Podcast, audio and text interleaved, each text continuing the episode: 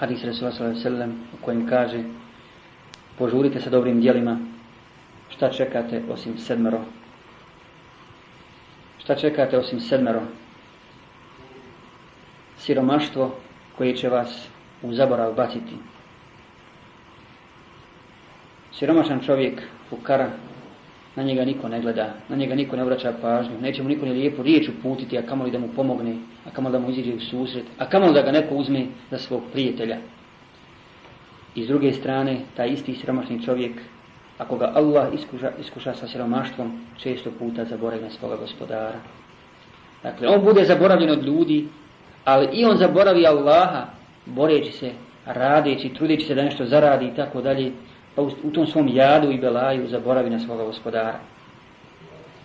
To je prvo. Drugo, bogatstvo koje će vas učiniti oholim.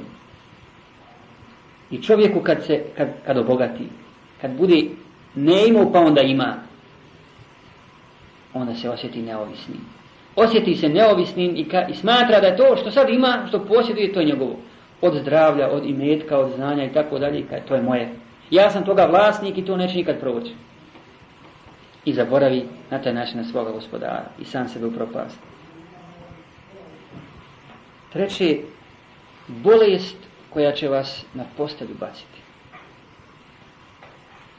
Bolest koja će učiniti od tebe da samog sebe zamrziš i da sam sebi postaneš težak. To čekaš. I je to ono što ti očekuješ od Dunjaluka, a to je velika istina, to dolazi i to čeka svakog insana. Četvrto, starost koja će vas potpuno istrošiti.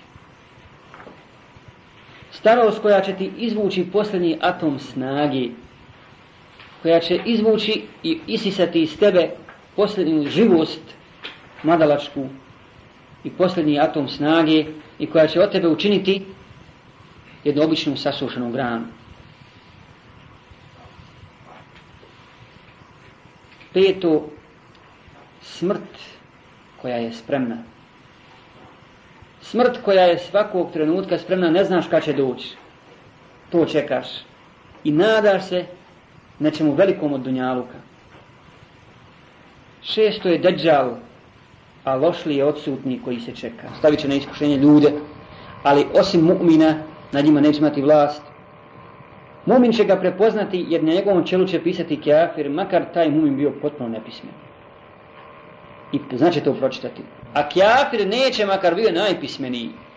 To je mudrost Allahov.